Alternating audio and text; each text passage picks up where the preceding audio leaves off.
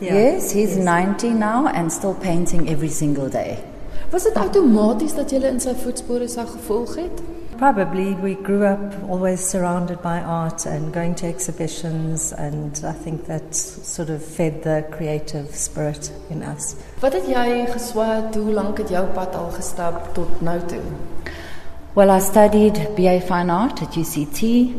I lectured then for a few years. I was in Namibia for 18 years, and I've been back here. And all the time I have done art, but I've also done other things, as in earning money. I now have a laser cutting business and so on. But there's always the art and the own work that one is doing and working on. Yes. En jy Tracey? Um, I also studied at UCT, did a BA Fine Art. Um, I majored in printmaking, but um, have sort of diversified in what I do now. Um, I got sidetracked a bit with some businesses and things, but have always wanted to, you know, carry on with my art. So in recent years, I've managed to get my focus back.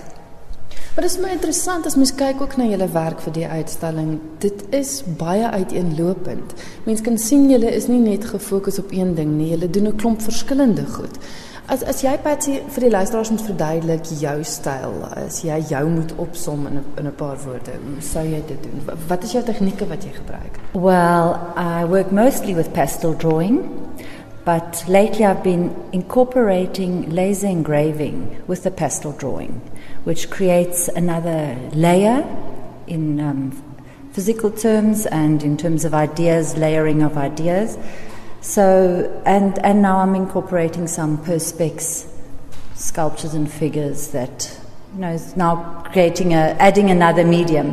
Working with um, landscapes and nature in that sense, and then layering other ideas over them, um, or from my own experience or from family history.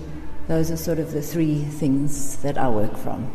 Ons praat gou oor die natuur want dit is die oorhoofse tema van julle uitstalling. Mm. Maar jy het gesê Tracy is bietjie meer natuurgedrewe mm. as as dit jy is, mm. Patsy. Well, I've always taken a lot of photographs. I actually majored in photography, although now I'm just doing it as a background.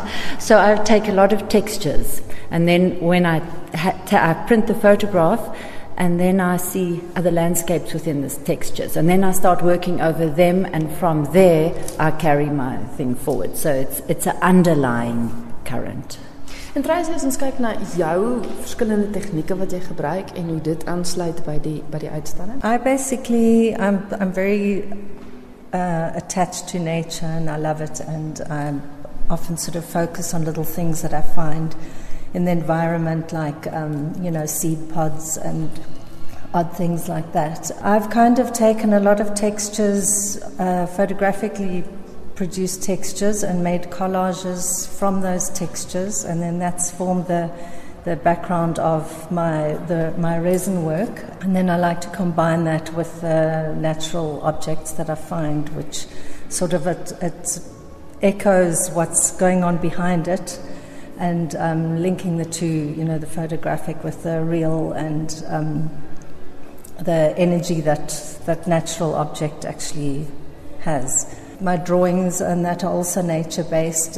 Again, it's it's often from also from photographs that I take when I'm traveling or on holiday or whatever. And then the, my other passion is I, I love animals and in particular dogs, and so they do feature in my work as well.